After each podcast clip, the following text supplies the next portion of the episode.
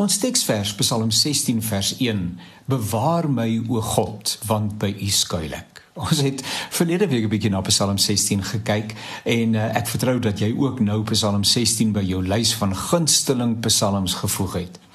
Nou meer korrek woord, al die psalms, trouens die hele woord 'n spesiale plek in ons lewens te beklee. En ek is seker dit is so met jou, maar tog is daar gedeeltes wat ons naby aan die hart lê. Dis altyd opmerklik dat tydens begrafnisse mense vra dat jy as prediker oor 'n sekere gedeelte sal praat omdat dit vir die persoon wat gesterf het aanstekens nê nee, besondere betekenis gehad het. En dit kan ook geld vir liedere. En ek beleef dit dikwels dat dit as 'n laaste boodskap van daardie persoon wat nou weg is, 'n uh, geld en gerig word aan hulle wat agterbly. Die woord het krag en impakteer mense lewe op 'n kragtige wyse.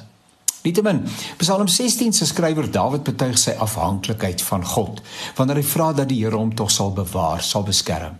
Nou, wat presies Dawid se konteks was is nie bekend nie. Waarmee ons kan identifiseer, is die ervaring waarmee Dawid oënskynlik moes deel, een van spanning, onsekerheid, selfs vrees. Ons maak moeite om ons sekuriteit so ver as moontlik in plek te hê, nie waar nie? As iemand my eiendom roof, uh, dan het ek huis en ander forme van versekerings. As ek siek word, is daar voorsiening gemaak dat ek die nodige mediese sorg kan ontvang. Sou ek in 'n motorongeluk kom, is daar versekerings wat my motor gaan herstel.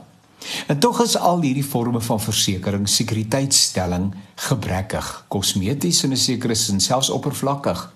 Ten spyte van en te midde van al hierdie duur ooreenkomste weet ek dat die beste sekuriteit wat ek kan bekom sonder om hierdie ander weg te doen, die beskerming, die trou en die teenwoordigheid van die Here is. Dit beteken nie dat goed nie gebeur nie, nê? Ons leef in hierdie wêreld, maar die groter sekuriteit lê in die wete dat wat ook al gebeur, ek en jy aan die Here behoort. Ons name staan geskryf in die boek van die lewe en van die lam. Niks en niemand kan ons van sy liefde skei nie. Vir tyd en ewigheid is ons veilig.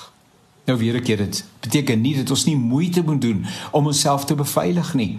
God se beskerming is nie 'n lisensie vir onverskilligheid nie, nee, maar aan die einde van die dag weet ek, ek is syne en hy is myne.